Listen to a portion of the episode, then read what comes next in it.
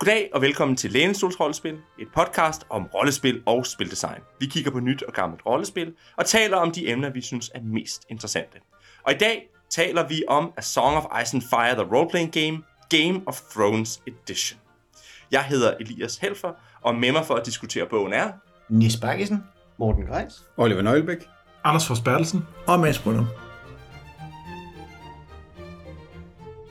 Ja, og øh, fordi øh, folk, der ikke har lyttet med sidste gang, så øh, kan det være, at vi lige skal have præsenteret vores to gæster. Øh, så øh, Mads og Anders, øh, hvorfor er det nu, I, øh, I er med på netop det her afsnit? Det er fordi, at øh, vi jo også podcaster om A Game of Thrones, og, eller mere præcis om A Song of Ice and Fire, men bare om bogserien i stedet for. Yes. Og I er, I er nu i gang med at læse den tredje bog i serien, ikke? Jo, vi er, vi er i gang med, ja, det må vel være sidste tredjedel af Storm of Swords. Og, og så spiller vi jo også selv af til det der rollespil. Ja, en gang. Ja, jeg spiller det faktisk ret tit. Ja, og jeg har også skrevet noget til festival og forskellige andre ting og sager. Ja. Yes. Super. Og øh, som sagt, i dag der skal vi kigge på det rollespil, der så er lavet til, øh, til hvad hedder det, A Song of Ice and Fire. Morten, øh, hvornår er det det skabt? Hvad, hvad kommer det af det her? Ja, altså det kommer jo altså af en ung mand engang, satte sig ned og begyndte at skrive nogle historier. George Martin. Og han har jo været aktiv siden engang 70'erne, så øh, han er jo virkelig en velbevandret, øh, og mange D&D-spillere vil naturligvis genkende ham, fordi han er jo den, der skaber Give Yankees, øh, fra hans historie Night Flyers, der er lavet en tv-serie af samme navn. De, novellen og tv-serien har intet med hinanden at gøre. Men i 96 kommer så bind 1 af den her bogserie her. Og øh, den bliver selvfølgelig populær blandt fans. Han skriver noget mere, og det er jo der er sådan godt. Øh, fans opstår osv. Øh, men for os rollespillere sker der ikke noget de første mange år. Men så i Dragon Magazine øh, i 2003 stod jeg så første gang på Game of Thrones. Fordi der er så to artikler om øh, Game of Thrones, og hvordan man kan bruge det i D&D sådan en, en form for crossover, sådan en artikel med, sådan, hvordan man kan spille sådan lidt om Starks og andre ting, og jeg kiggede lidt på det og var sådan lidt, det siger mig ikke noget, det lyder kedeligt. Um, det var en klassisk D&D-setting. Um, øhm, men så et par år senere, så viser det sig, at der er nogen, der hedder Guardians of the Order, som så får, øh, får fat i licensen til det, og laver så en D20-version, fordi det alle lavede i midt-nullerne, hvis de ikke havde indie-rollespil, det var D20-versioner af alt. Call of Cthulhu D20 og så videre. Så derfor skulle vi også have en D20-udgave af, af Game of Thrones, og de lavede så også en, en Deluxe-udgave af deres regelbog, som havde to regelsystemer i sig, en D20, øh, og så deres hjemmebrygget TriStar-system, som jeg aldrig har prøvet at spille. Øhm, det var ikke videre succesfuldt til synligheden, fordi allerede i 2009 får Green Ronin så opsnappet rettighederne. De sætter sig allerede i 2008 og blogger en masse om, hvordan de skynder sig at designe et helt system fra grunden af, så de får lavet deres helt eget regelsystem, som er så det, vi har i den bog her. Og de reviderer så deres bog i 2012, og de laver så et universalsystem baseret på systemet i 2013, The Chronicle System, som aldrig er blevet udgivet i fysisk form, men kun som pdf'er. Øhm, og så er det egentlig et mærke, fordi at så kommer over tv-serien, den starter op i 2011 og kører frem til 2019, og der har Game of Thrones jo virkelig en stor guldalder, og brætspillet bliver relanceret, Game of Thrones er board game, og TV, øh, tegne, øh, kortspillet kommer ud, og der kommer en stribe andre øh, brætspil osv. Men af en eller grund bruger Green Ronin virkelig ikke deres licens til noget særligt. De kommer med en companion, de kommer med en Night's Watch bog, en Chronicle starter, en GM-skærm, og intet andet materiale. Det vil sige, de har, øh, og det nu har de så mistet licensen her for et-to år siden, så nu kommer der ikke mere, men af en eller anden grund udnyttede de ikke den, det momentum, serien havde, og virkelig sprøjtede en masse bøger ud. Øhm, og det virkede mærkeligt. Måske ligger det sammen, hænger det sammen med, hvad det var for et rollespil, de udgav, og det er jo så det, vi får kigget på her til aften. Tak skal du have. Øh, Oliver, hvad er det så for noget? Jamen, øh, men det er jo i den her uh, Song of Ice and Fire-verden, som er en relativt gritty uh, fantasy-verden. Øh, den er meget feudal, den er meget blodig og øh, dødbringende. Øh, og der spiller man de her øh, adelige plus venner, øh, som øh, skal ud og gå på en trier og prøve at få deres øh, adelshus til at overleve i den her øh, konflikt med alle de andre adelige, som også gerne vil være dem, som har den største hat på. Øh, og det gør man så i øh, forskellige arenaer i det her spil. Så man kommer op og slås med nogen, hvis det er det, der sker, eller man kommer ud og en med dem ved hoffet, og, øh, og sådan nogle ting og sager rundt omkring den her verden. Super. Nis, hvad er der så i den her bog? Jamen, den bog, vi har kigget på, er jo så netop faktisk A Game of Thrones Edition, som er den, øh, hvad hedder det, relancering, de lavede i forbindelse med tv, både i forbindelse med, at tv-serien havde været ude i et par år, um, og i forbindelse med, at øh, den seneste bog af Dance with Dragons også lige var udkommet. Um, så det var ligesom sådan der, hvor de synes de havde momentum til at, at genlancere deres grundbog. Um, og det er et øh, det er et imponerende værk. Vi har, jo, vi har læst den i, i PDF-version, øh, men, men selv der kan man godt mærke, altså det, det, så det er sådan en 300 siders øh, bog, og øh, fint øh, farvetryk, er nogle øh, ret fede gennemgående øh, illustrationer øh, af, i, øh, og, og mange af dem sådan illustrationer af ikoniske scener øh, fra, som man vil kende fra, øh, øh, fra universet. Ikke så meget faktisk nødvendigvis fra bøgerne, men sådan fra den historik, der har ledt op til bøgerne. Og sådan noget. For eksempel så er forsiden er fra, hvad hedder det, øh, Robert Baratheons øh, kamp mod Rhaegar. Rhaegar, ja. Um, godt at have øh, eksperter til at, til at støtte. Men altså, um, og, og, det, og, og noget meget dynamisk uh, fantasy artwork i virkeligheden. Ja. Altså, um, så den del synes jeg, de har fanget ret godt. Så er den naturligvis så er den, øh, spækket med øh, diverse småting med heraldik for, øh, for husene og sådan nogle ting. Og, og så er den så ellers øh, fyldt med alt, hvad de ligesom havde, havde lavet. Der er selvfølgelig deres, der er en intro til Westeros, øh, Westeros' historie. Det her øh, scenarie fokuserer faktisk meget på, hvad man siger, man starter der, hvor bøgerne starter. Så det er ikke en gennemgang af, hvad der sker i bøgerne, men det er historikken op til, og hvordan verden er ind i, i den situation, øh, hvor bøgerne ligesom får deres anslag. Um, så er der gennemgang af, hvordan man laver adelshuse, det vender vi tilbage til, fordi ligesom det er et centrale komponent, man spiller. Uh, detaljerede regler for intriger og kamp og krigsførsel og så videre, alt det man skal til for at ligesom kunne spille på den her store, øh, store scene. Enormt mange lister med evner og udstyr og, og alt, hvad der skal til. Øh, et introscenarie, og, øh, eller hvad man siger, deres normale introscenarie, og så det første store scenarie, som de, som de ligesom udgav, som var øh, som er sådan en intrige sat i King's Landing. Um, så man får ligesom sådan hele pakken øh, af, af det der udvider, så selvfølgelig revisioner og hvad der ellers er, er kommet til af errata øh, og sådan noget. Men man får ligesom hele den pakke af, nu, nu sagde Morten, at de ikke havde udgivet, øh, øh udgivet så meget. Det meste af det, de har udgivet, har de i virkeligheden fået med i den her bog. Ja, der er ikke lige de specifikke udvidelser om øh, Night's Watch og sådan nogle ting, jeg sagde, men man vil sagtens kunne spille en Night's Watch men med det her, sådan nogle ting, jeg sagde. Og, øh, og man får scenarier og sådan nogle ting, jeg sagde. Så hvis man vil prøve, hvad det er, så får man ligesom det hele i den her bog.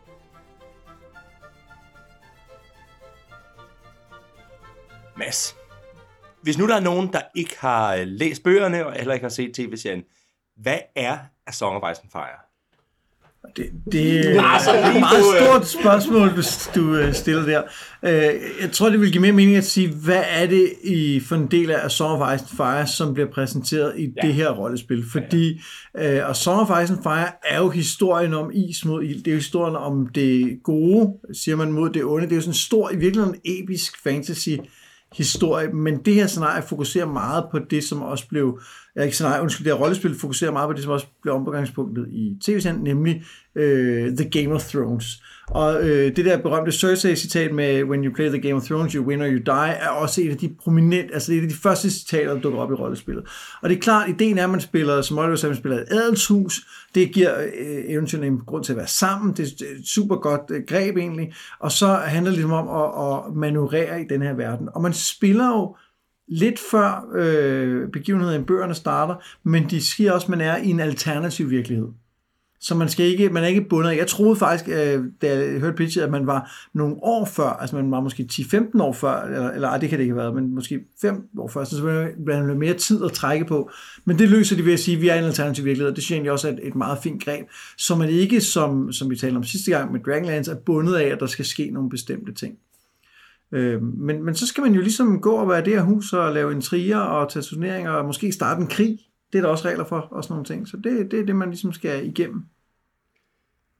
Tænker du, man kunne spille noget af det, der foregår i bøgerne med det her rollespilsystem? Vil det være oplagt? Jeg tror mere, at man vil, man vil have det, der sker i bøgerne, som, øh, som noget, der sker i periferien.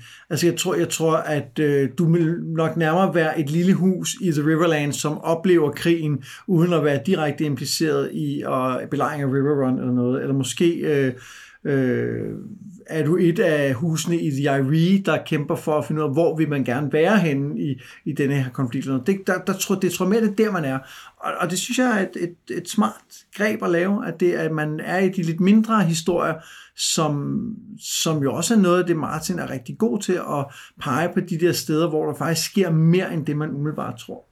Det får for Burns til at fungere ret meget som metaplottet i, i nogle andre rollespil, for eksempel særligt de der Vampire, har jo meget af det metaplot, der foregår derude i den store øh, verdensomspændende ting, der har du så, så bøgerne, men her kan du sådan få lov til at spille din egen lille lokalafdeling, og det synes jeg er en rigtig fin, øh, fin greb på rollespillet. Så i virkeligheden, hvis nu vi skal sammenholde det med Dragonlance, som vi kiggede på sidste gang, så i Dragonlance, der er du sat midt inde ved Tyrions bord, og er nødt til ligesom at forholde dig til alt, hvad der så sker med ham i løbet af, af bogen. Og her kan du faktisk få lov til at spille noget selv, og forestille dig, hvordan det har relevans for, for det, der foregår. Eller at, at Ja, men samtidig synes jeg også, man måske har sat sig et underligt sted mellem to stole ved, at det, øh, det scenarie, der er med, foregår, jeg tror, et år før begivenhederne i uh, Game of Thrones-bogen starter. Og det synes jeg har for lidt tid. Altså, det, det, det er for lidt tid til, at man kan nå at etablere, at der sker en hel masse, før at de her begivenheder så starter, og før man på en eller anden måde bliver nødt til at gå ind i det. Selvom vi er en alternativ virkelighed, så er det sådan lidt mærkeligt, at det, det, det starter jo, altså, øh, de der ting. Så det, det, jeg tror, man skulle have startet lidt før. Ja. En anden ting, som jeg tænkte sådan lidt over, altså det var, for, det, for det første så tænkte jeg lidt over, hvordan jeg, altså nu har jeg læst øh, til og med Feast of Crows, eller sådan noget i den stil, um, så jeg har læst bøgerne, og har sådan på den måde været, øh, kender universet, sådan, jeg er ikke, ikke så dedikeret som vores, øh, vores gæste, øh, gæste Lenestols rollespillere, uh, men, øh, men hvor jeg sad sådan lidt og læste introduktionen til den her verden, øh, til Westeros og, og de ting, der foregår. Sådan. Og jeg, det, er sådan, det, er en, det er en fin udmærket for mig, fin historisk oversigt af, hvordan ting skete, og hvordan så kom Andals, og så kom Targaryens og, og så videre. Øh, ting vælten ind over, og hvordan det ligesom kom op. Men jeg synes måske, jeg manglede lidt i forhold til den der ting med, at, at nu skal vi i gang med, altså nu går det løs øh, om lidt, men jeg manglede lidt at få sådan, hvad er spændingerne? Og også fordi, hvis jeg så omvendt skal hente det fra bogen, så er det jo ikke, hvad kan man sige, ja, inde i nogens hoveder har der nok ligesom været en plan om, nu skal vi nu, nu gør jeg, nu gider jeg snart ikke være gift med ham der længere, så nu, nu skal der ske et uheld. Men der er ikke ligesom sådan en, øh, og, og, og det sætter så en hel masse i gang.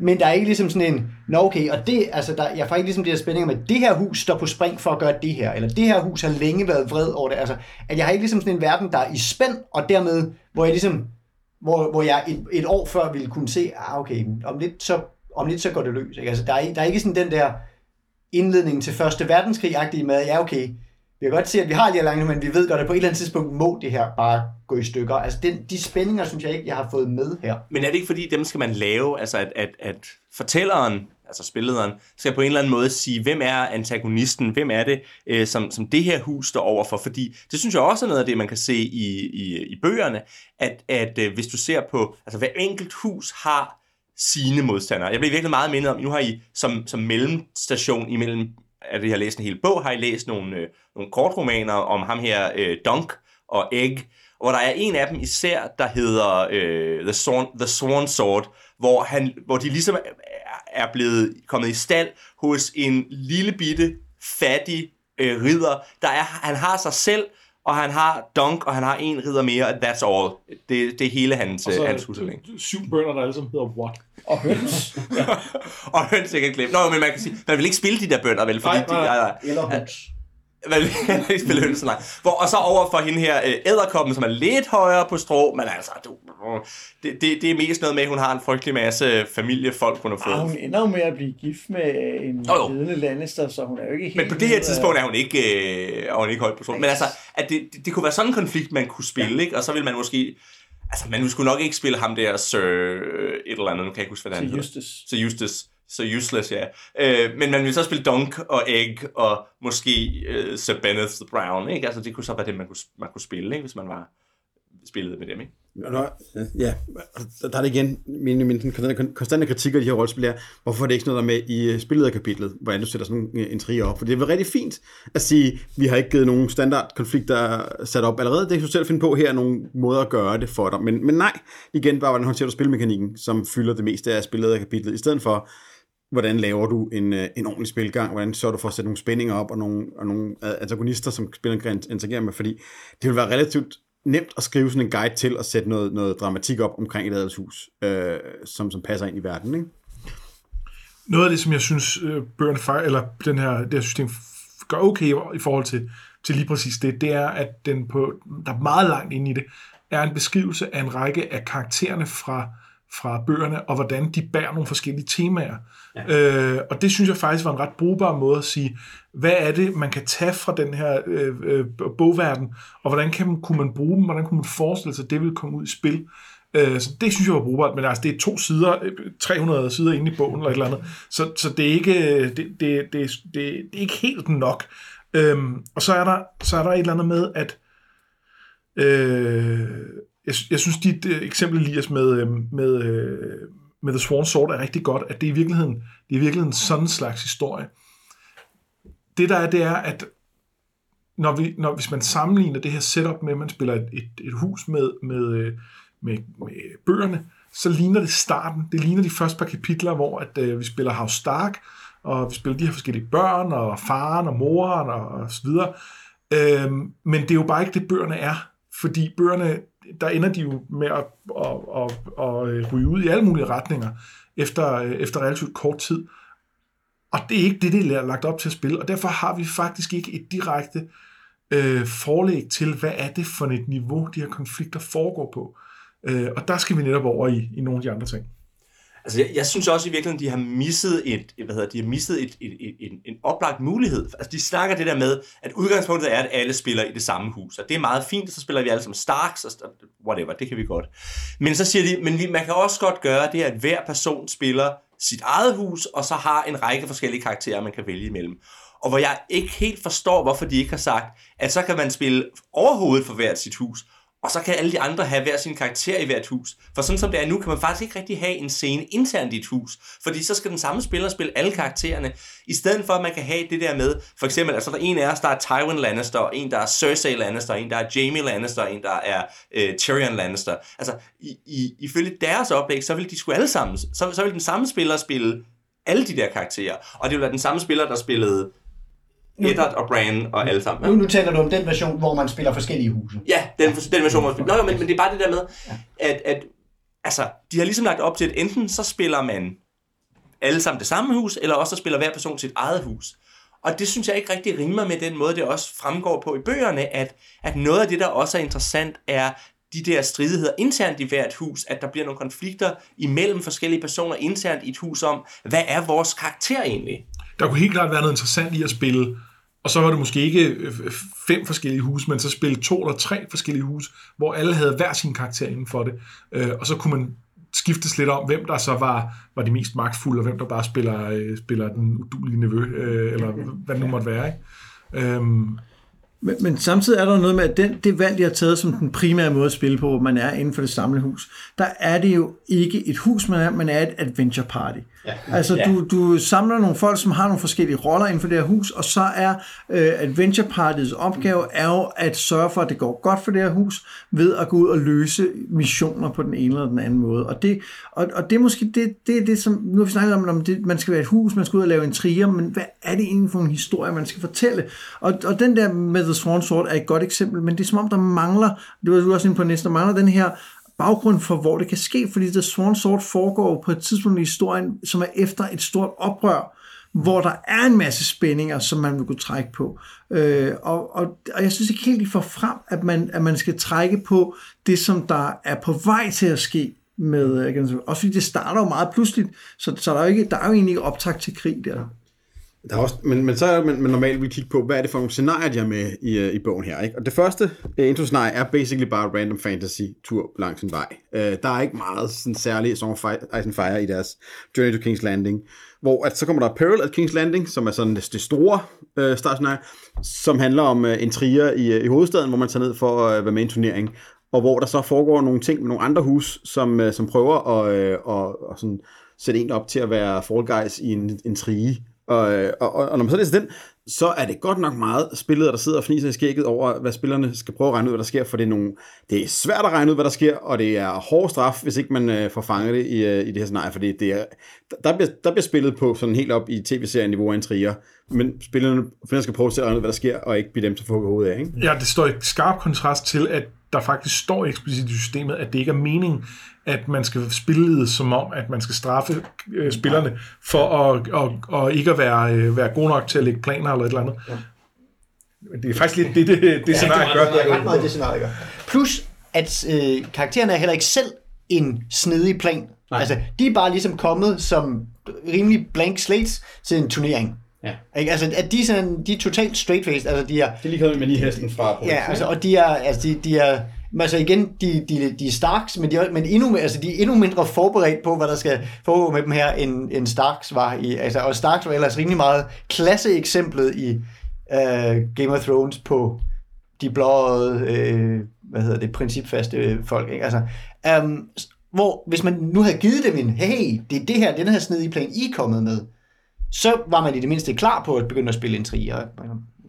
Altså, det synes jeg jo netop, at bogen peger imod, at de virkelig aldrig har fået løftet der. Altså, de har taget staffagen fra Game of Thrones, men de har aldrig fået, hvad skal jeg sige, effektueret setting i bogen, fordi det scenarie, der er her, jo, der er nogle intrigesyder, men det er jo virkelig et klassisk 90'er vampire-scenarie. Jeg har også nogle D&D-scenarier, der er fuldstændig man til det her med, at nogle NPC'er har nogle intriger, så kommer spillerne udefra og mokker lidt rundt og bliver så kastebøjte i det, ikke? Men men det er jo virkelig bare et D&D-scenarie med, med intriger, øhm, som de jo så aldrig har fået Game of, altså de har aldrig fået gjort Game of Thrones til et reelt univers eller et spil. Øh, det synes jeg virkelig, jeg synes virkelig, de fejler med at, at få realiseret sætningen vi er også tilbage ved, at de ikke øh, får formidlet, hvad det er for nogle historier, man skal fortælle. Fordi at øh, de siger ikke, I skal fortælle alle de historier, man ikke oplever i tv-serien, eller ikke læser om i bøgerne. I skal, I skal fortælle om det, der sker i The Riverlands i optakten til krigen. I skal fortælle om øh, kampen om at, at være det hus, som øh, The Tyrells elsker mest, eller et eller andet. Eller, eller bare, I skal, I skal lave, altså, det, det er ikke det, man skal lave. Man skal lave noget med hofintriger, men samtidig har et system, der ikke understøtter hofintriger. Det, det ved jeg, det vender vi tilbage til, men, men der er jo ikke noget, det der med, at man spiller adventure party, understøtter jo ikke, at vi er et adelshus, som prøver på at være bedre end andre adelshuse. Altså, det, det er så weird. Øh, øh, for lige at vende tilbage til det med eventyret, og at det ikke bliver gennem, eller songwrisen fireficeret øh, nok. Jeg synes, der er en lille smule af det, for jeg synes, der er nogle af de øh, menneskeskæbner, der er i det, hvor at, at jeg kan se noget af den der baggrund, altså den, den her nådesløse verden. Mm. Øh, med, med en af dem er en, en, en øh, sådan adelsfrøken, som bliver forlovet mod sin vilje, og så gør hun oprør mod det, og så straffer verden hende i den forstand, hun, hun, hun stikker af, og så bliver hun kidnappet af nogen og bliver tvunget ind i prostitution, og er nu fanget i en situation, hvor hun, hun, hun har brug for hjælp, hun vil gerne ud af det her, men hun, hun er også for stolt til at gå tilbage til familien og, øh, og indrømme det. Og det, det synes jeg, det er sådan en, der, der er en masse på spil der, som jeg godt kan genkende de temaer fra, fra, øh, fra, fra, øh, fra den her bogverden. Men der er noget med, det, det er for løsredet, det er for meget bare de her NPC'er, der, der har med hinanden at gøre. Og det, og det er for langt væk fra sp- spillerne har med at gøre. Det er rigtig svært for spillerne at komme ind til de historier. Ja. De ligger kun som, som information til spillederen kan sidde og, øh, og, Ja, og vide. knække, som du Ja. sagde det, ikke? at man, man ved, at, at der er et eller andet her. Det, det er svært at engagere med, det, det, det er svært at, at, at komme ud over kanten med. Og samtidig med, og det kan godt være, måske overfortolker jeg noget af det, der står i, øh, i, i bogen, men der er ligesom lagt op til, at man har sådan et sæsonspil, hvor, hvor huset tager nogle, nogle ture, og det er ligesom er det, der er ligesom udgangspunktet. Men de scenarier, der er med, er jo, er jo nogen, som spillerne kommer ridende tilfældigt ind i. Så, så hvordan passer de sammen med det der med, at en stor del af det også handler om, at, at vi som hus sidder og beslutter os for, hvordan vi vil fremme vores hus. Ikke? At der er ligesom et eller andet der, som, ikke, som i hvert fald ikke er forklaret særlig godt. Jeg vil lige pointere en, en positiv ting her, som er, at deres sådan... Øh, der scene rewards tabel og challenge by story, de har en rigtig fin, sådan, så mange udfordringer skal der være på den her sværhedsgrad for, i en gennemsnitlig historie, så jeg synes rigtig mange andre rollespillere har brug for at have. Sådan, du skal have øh, fire mindre udfordringer, øh, to moderater, en stor, så har du ligesom en historie i det. Det er der rigtig mange systemer, der kunne godt have den der samme tabel lagt ind for at sige, hvor mange gange skal du rulle de terninger i løbet af det her spil, i forhold til, at, øh, at terningslængden nogle gange er vigtig. Ikke? Og det var jeg egentlig glad for at se den her som sådan en lille ting. Men vi har bare aldrig rigtig brugt mere end, end, end ligesom en lidt lille øh, skelet på det. Nej, så synes jeg også i virkeligheden, når man ser det der, det første intro-scenarie, øh, der er der i virkeligheden kun én scene, hvor du for alvor skal rulle terninger, mm. og det er til allersidst, ikke? Fordi først, så møder du nogle folk, der er døde. Det er sådan set bare, at du, du der er lidt investigation, hvor du kan udforske, hvad der foregår der. Så kan du, hvis du vil, kan du så fingere et slag ved krogen. Men kun for sjov, ikke? Altså, så, så det er først den aller sidste scene, hvor der reelt er noget på spil. Øh, og det er da sådan lidt, lidt pudsigt.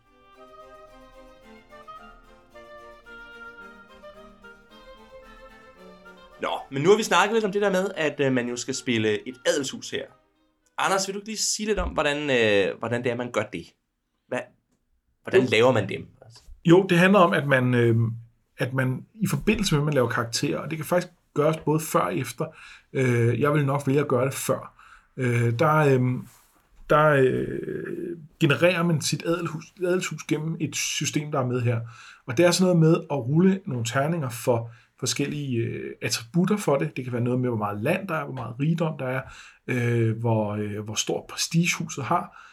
Og så, øh, hvad hedder det, så er der nogle, nogle ting, der kan modificere det. Man kan, kan hver især som spiller påvirke det en lille smule.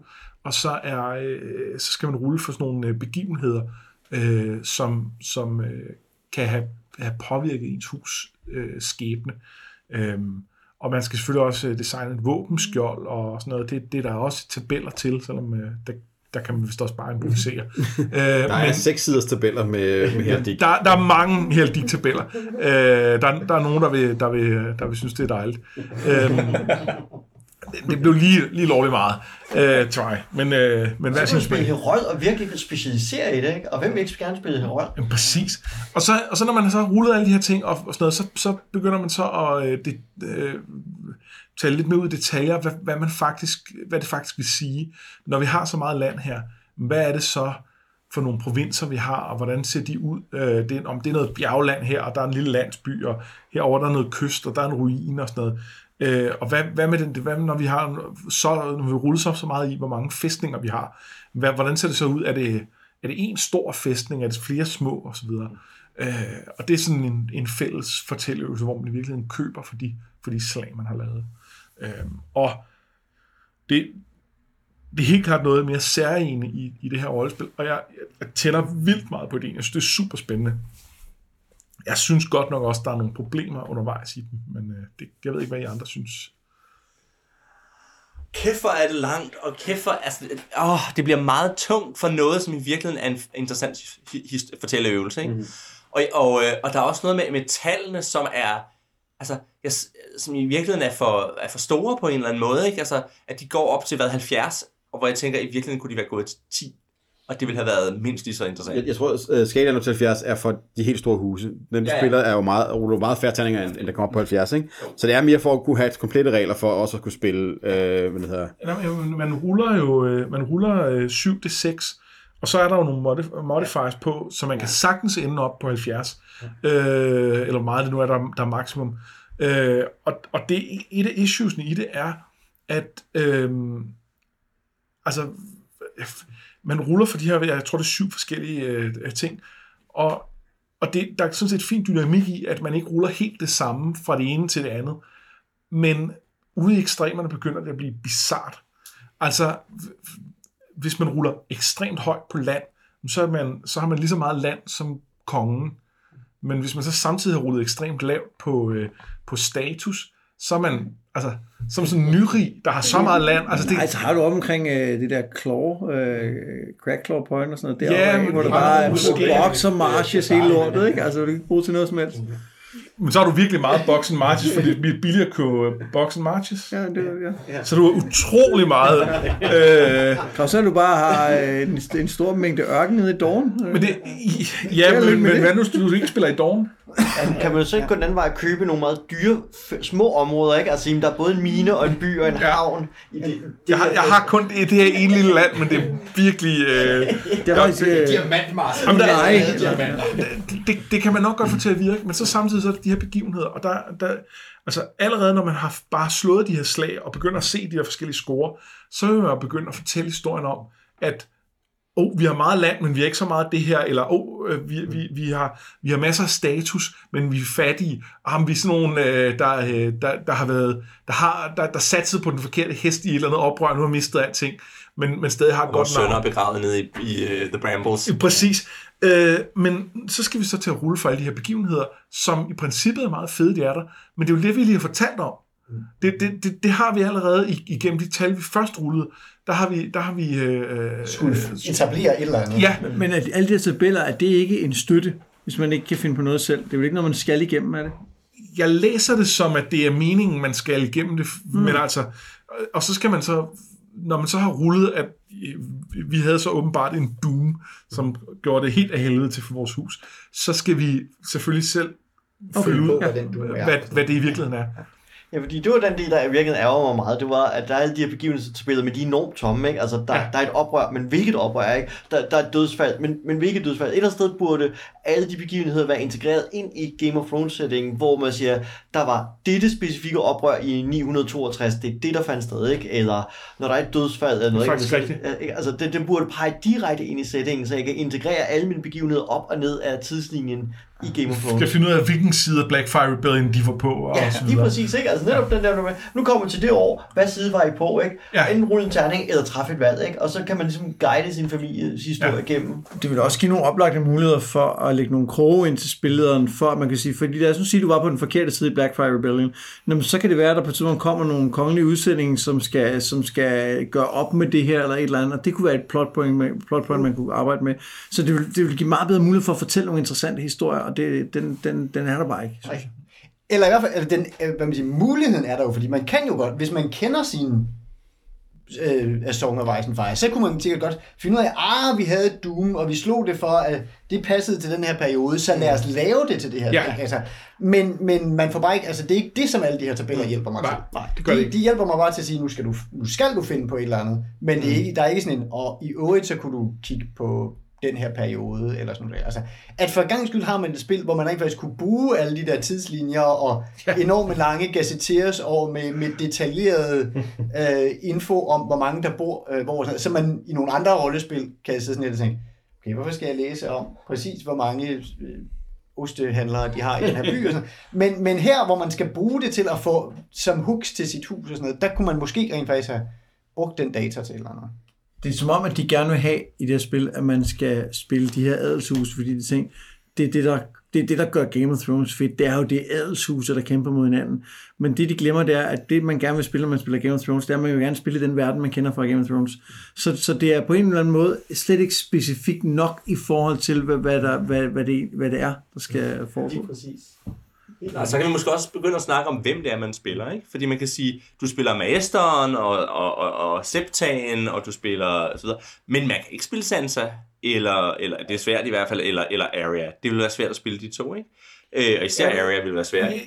Ja, bortset fra, at de jo har lavet Arya som en af de, øh, de sample-karakterer, der er med, øh, som væbneren, som ingen ved er... Øh, Ja. er Åh, oh, men, men det være svært at spille en, his, en historie, ligesom den, hun spiller. Det vil det være, Eller- og, og man kan sige, det er svært at spille det, hvis hun er husets datter. Altså, det kan virke, fordi hun er kommet incognito fra et andet hus. Ja. Øh, men, men øh, ja, Men ja, det er også igen, fordi de har valgt at sætte ramme på, på huset Adventure, Adventuring Party mere end på de individuelle, personer, som, som bøgerne i højere grad handler om, ikke? alligevel.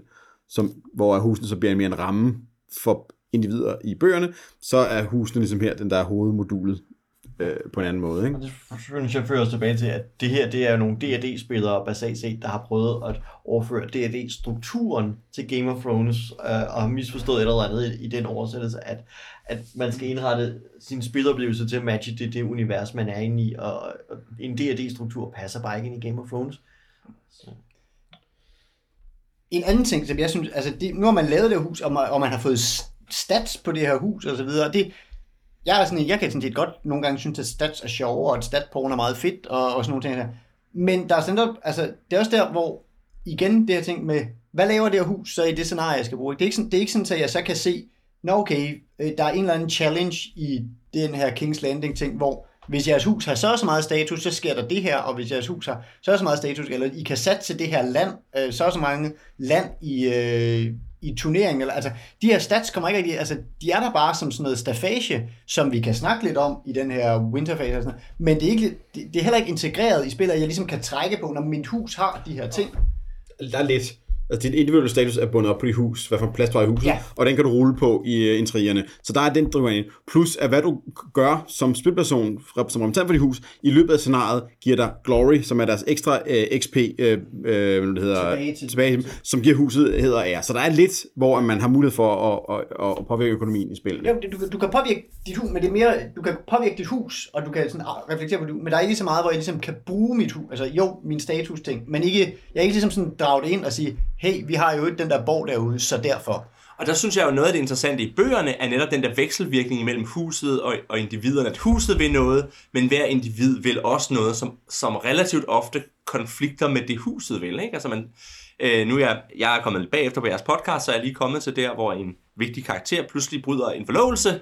Øhm, og hvor det bare absolut ikke det, han skulle have gjort, hvis han skulle gøre det noget godt for huset, hvor man kan sige, i det her, i det her rollespil, altså, så ville de andre spillere sidde og sige, åh, hvad laver du, din tosse, nu kommer vi til at miste en hel masse status og ting og sager, ikke?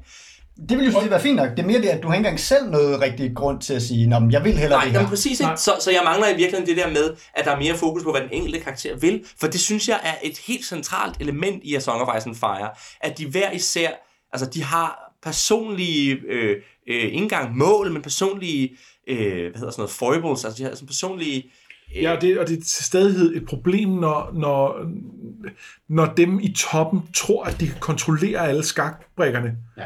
Øh, at, at, det, at det bider dem til stadighed i røven. Og det er bare... Øh, det, det virker ikke som om, det er et tema her. Nej. Og, og vi, kan- vi, altså, hvis vi satte os ned og spillede det, så skulle det nok blive det. Og det kunne vi godt tvinge ned over det her system. Men det hjælper os ikke.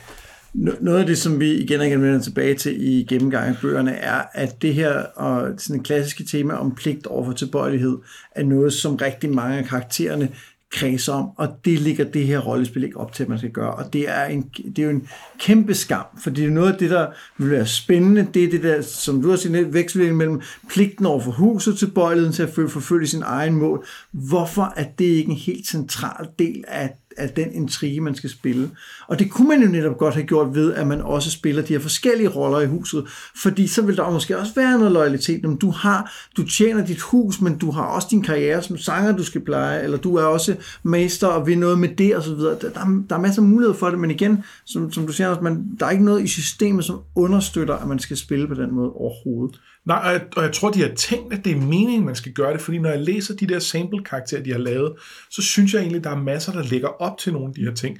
Øh, med, øh, med, med der, ham, der er den, den nu afdøde øh, øh, Lords øh, yngre bror, at han har haft et crush på, øh, på, øh, på svigerinden, som, som nu er blevet øh, Scepter. Øh, og der, der ligger jo også sådan en eller anden, at han er måske interesseret i noget med hende, og kan han, kan han lokke hende ud af klostret igen, så at sige. Øh, og er det godt for nogen? Måske er det bedre for deres status ikke at gøre det. Det er ikke ekspliciteret, men, men der er ligesom tråden af et eller andet, som kunne være, som netop kunne, kunne, kunne, kunne handle om de interne relationer. Så jeg tror, det er meningen. Det, det er bare ikke rigtig understøttet.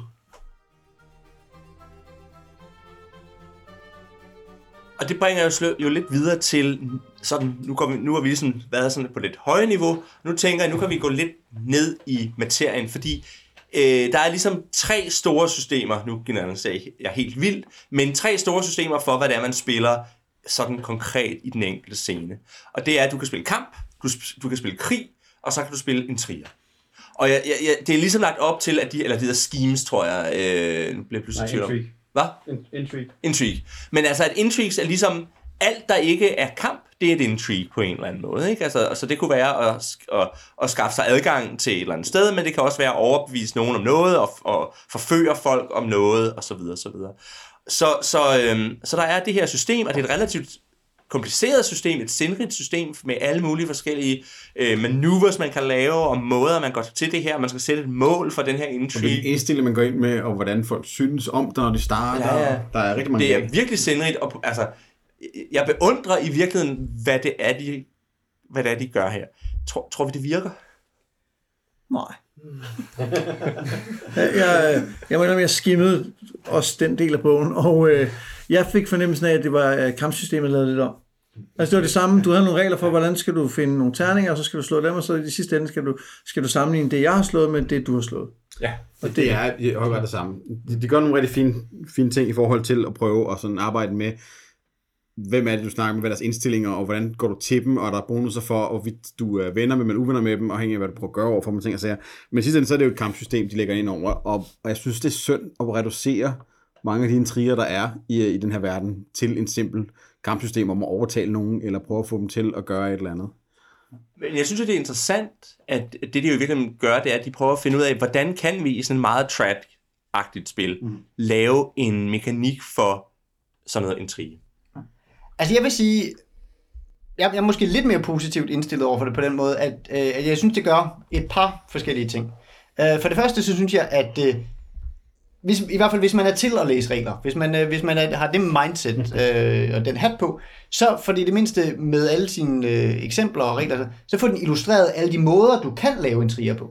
Ikke? Altså, ja. Så i stedet, i stedet for man sådan ligesom siger, om det er sådan noget med at være en spytslikker, eller det er sådan noget med at have sådan et penge, så sådan, nej, men det kan også godt være et eller andet med at være enormt flink og faktisk hjælpe folk med det, de laver, eller det kan også godt være et eller andet med, jamen, bare fordi du har, altså, du, har, du har godt lovet noget at gøre halvdelen af ikke? Altså, at, at den, den får ligesom sådan præsenteret med den der palette mm. af manøvrer, så, så får den ligesom givet dig et sprog for, alle de ting, du faktisk kunne gøre, og måder, du kunne lave, lave en trier på, og sådan nogle ting. Og det tror jeg, altså, det tror jeg godt kunne hjælpe mig, øh, eller til lige at få mig ind i den her mindset med, hov, hvordan kan jeg egentlig, hvordan kan jeg spille hende her, øh, den ja. forførende øh, unge dame, eller sådan hvordan, hvordan kan hun spille med på det?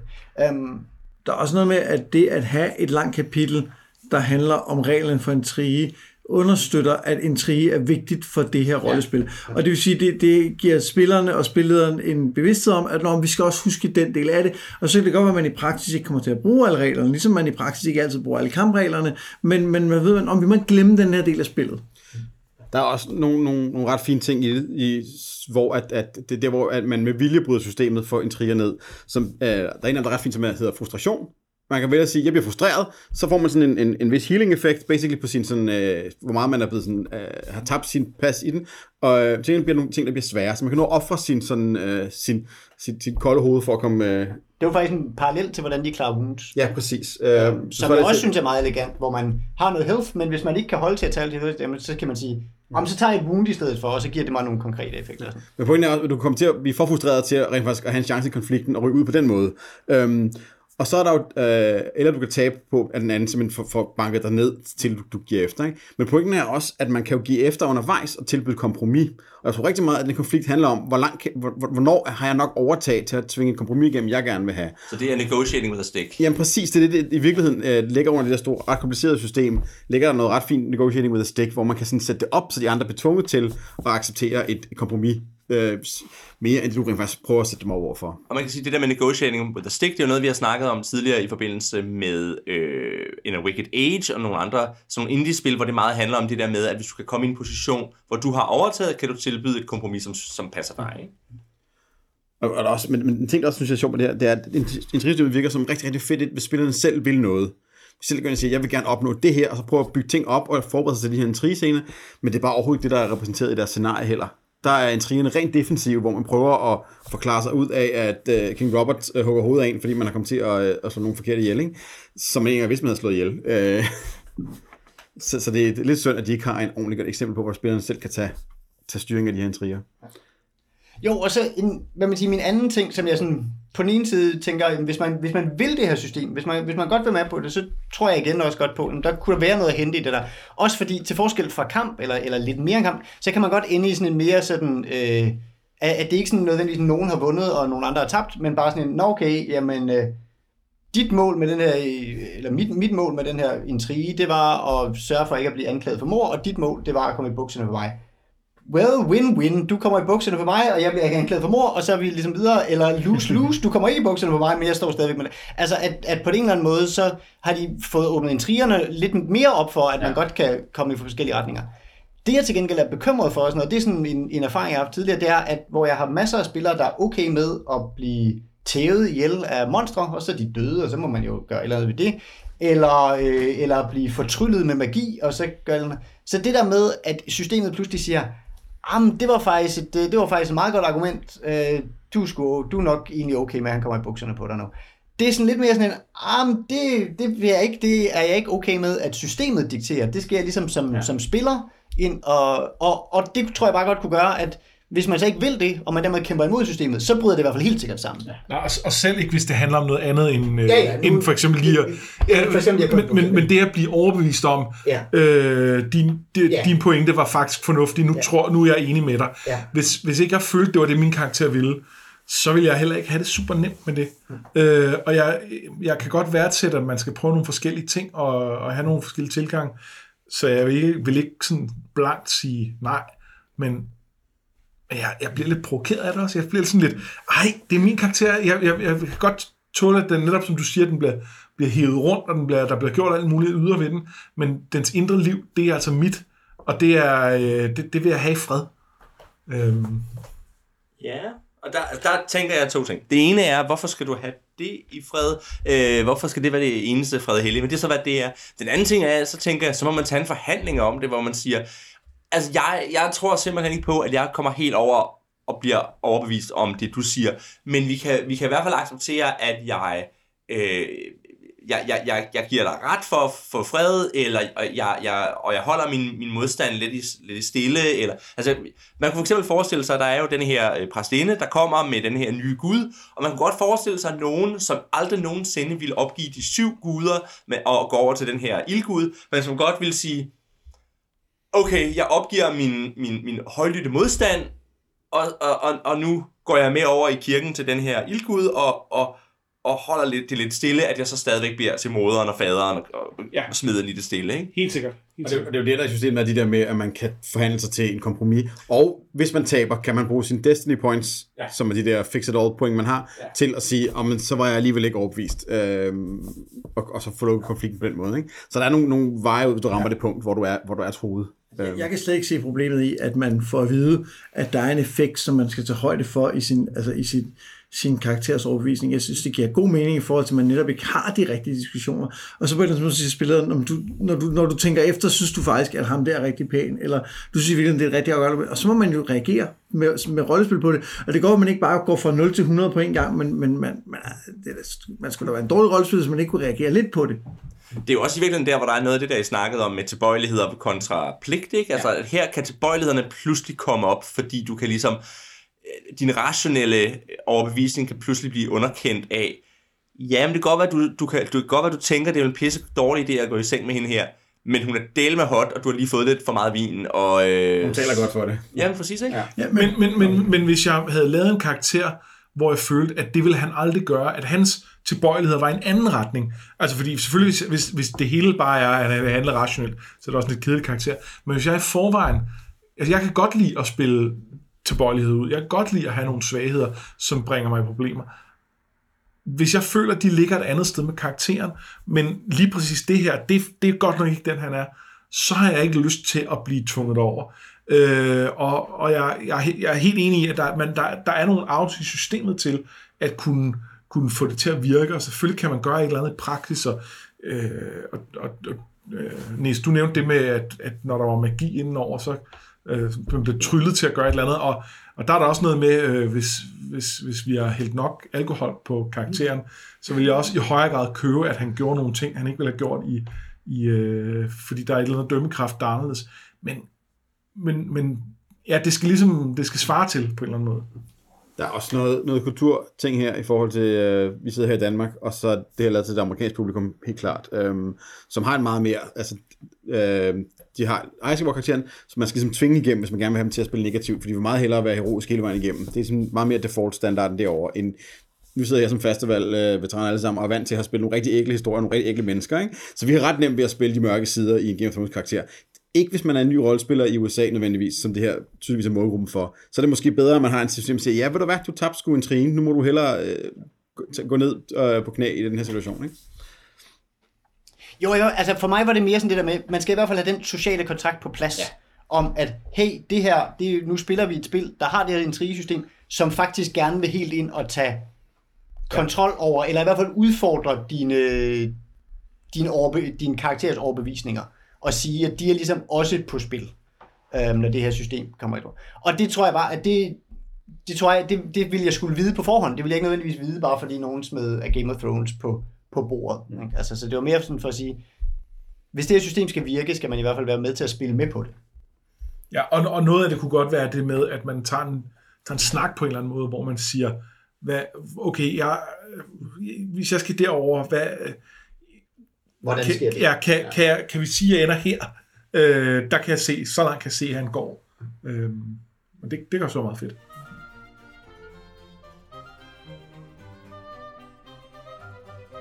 Nu har vi øh, vendt flere forskellige sider af det her rollespil. Øh, vi har både snakket lidt om, hvordan det forholder sig til Game of Thrones, og vi har snakket lidt om den her struktur med husene, og om det her med at spille en trigespil. Øh, er der nogen af jer, der kunne finde på at spille det? Næsten. jeg kunne godt tænke mig at sidde øh, og, lave, og, og rulle hus øh, sammen med nogen, og, øh, og prøve at snakke om karakterer og bygge dem. Men jeg, jeg, jeg, jeg tror, jeg har lyst til at stoppe der. Altså, og, og jeg, jeg tror, jeg har lyst til at spille noget af det spil, jeg kunne fornemme, der lå i det. Jeg har lyst til at gøre det i nogle andre systemer. Øh, jeg, før vi optog, der snakkede vi lidt om, at der var noget, øh, at, at de godt kunne have skillet lidt til noget af det gamle Ars Magica eller øh, Pendragon. Øh, jeg har så ikke spillet nogen af dem, jeg har hørt ret meget om Ars Magica, og det lyder ret interessant.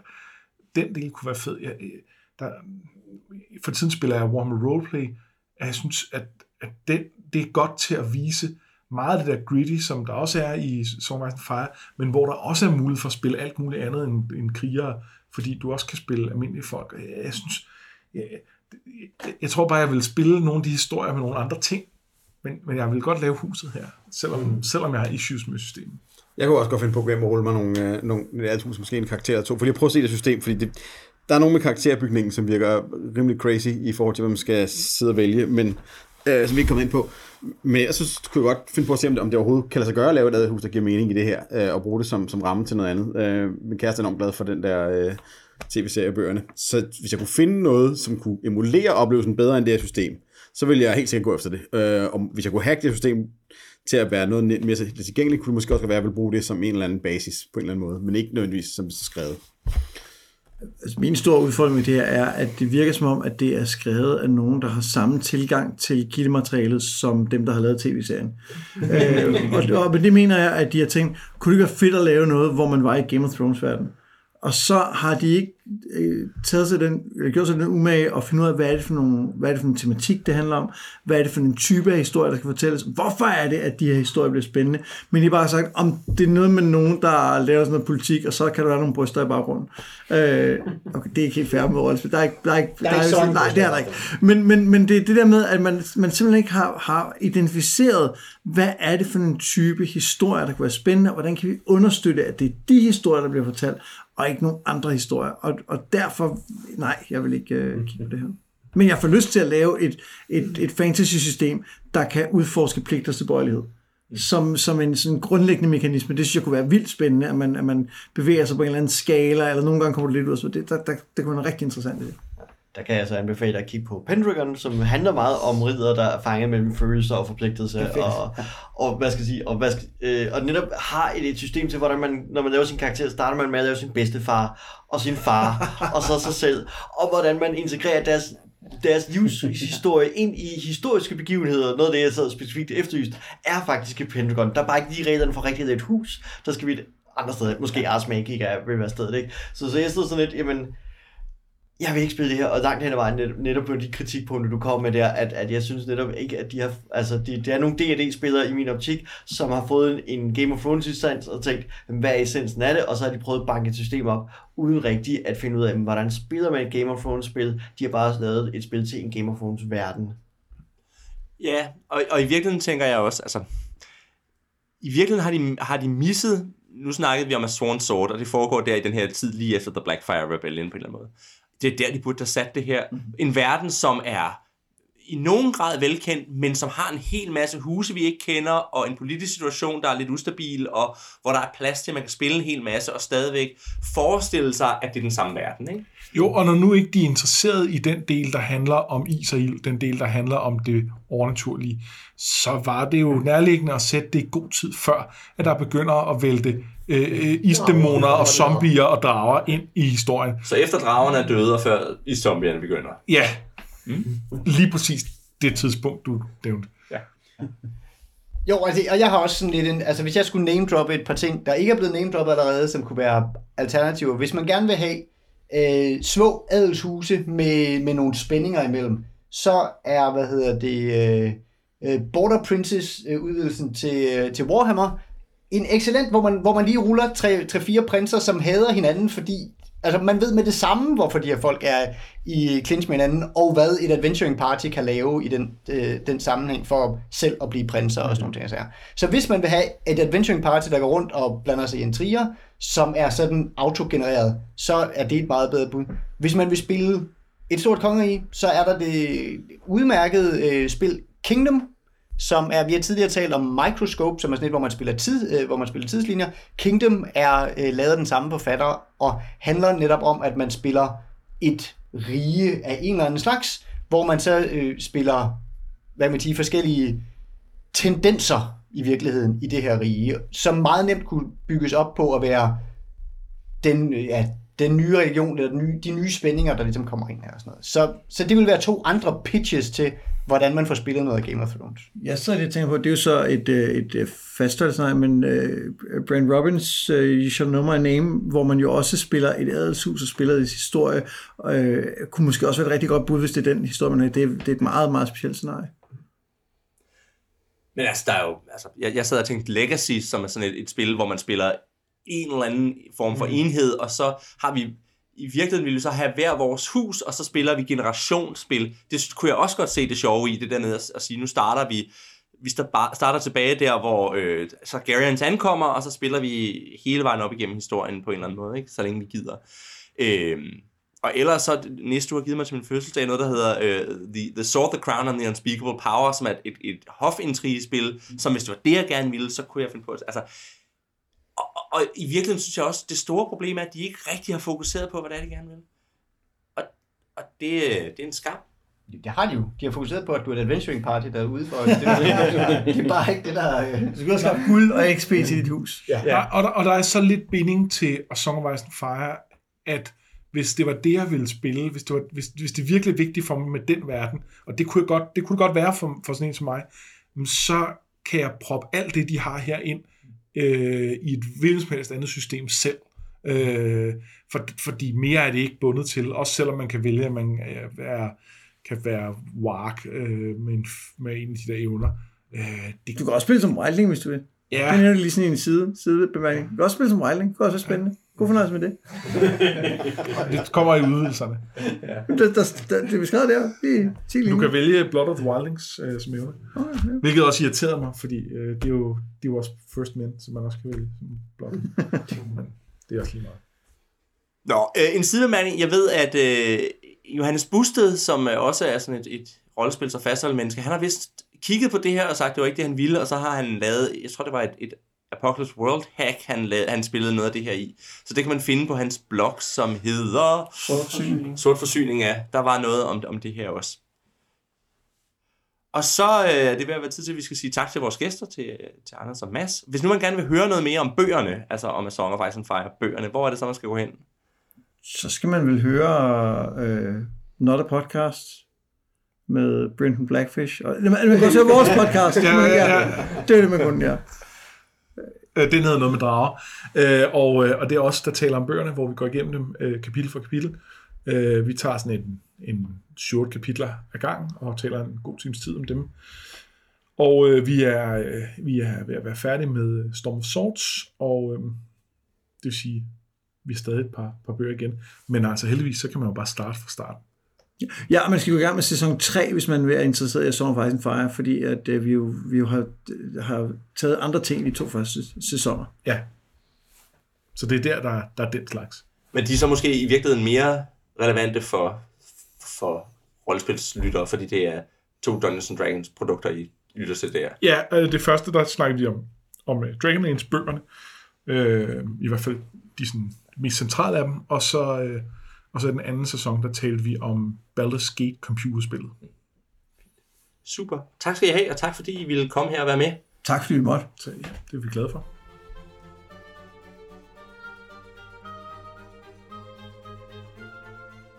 Og det var alt for den her gang. Hvis du gerne vil kommentere på dagens afsnit, eller hvis du bare gerne vil sige hej til os, så kan du finde os på lænestoltrollespil.dk, og du kan også finde os på Facebook, hvor vi er Lænestoltrollespil. Så kan du skrive til os på kontakt Vi er Jeg var Mads Brunum. Jeg har været Anders Fors Bertelsen. Og det var Nøglebæk. Morten Greis. Nis Bakkesen. og Elias Helfer. Tak for den her gang, og vi håber, I vil lytte med næste gang, hvor vi har et interview med en af skaberne af Fusion. Og øh, nu skal vi så lige finde ud af, hvad vi skal gøre med vores gæster, for som I ved, in the game of lænestole, you either win or you sleep. Sure. All right.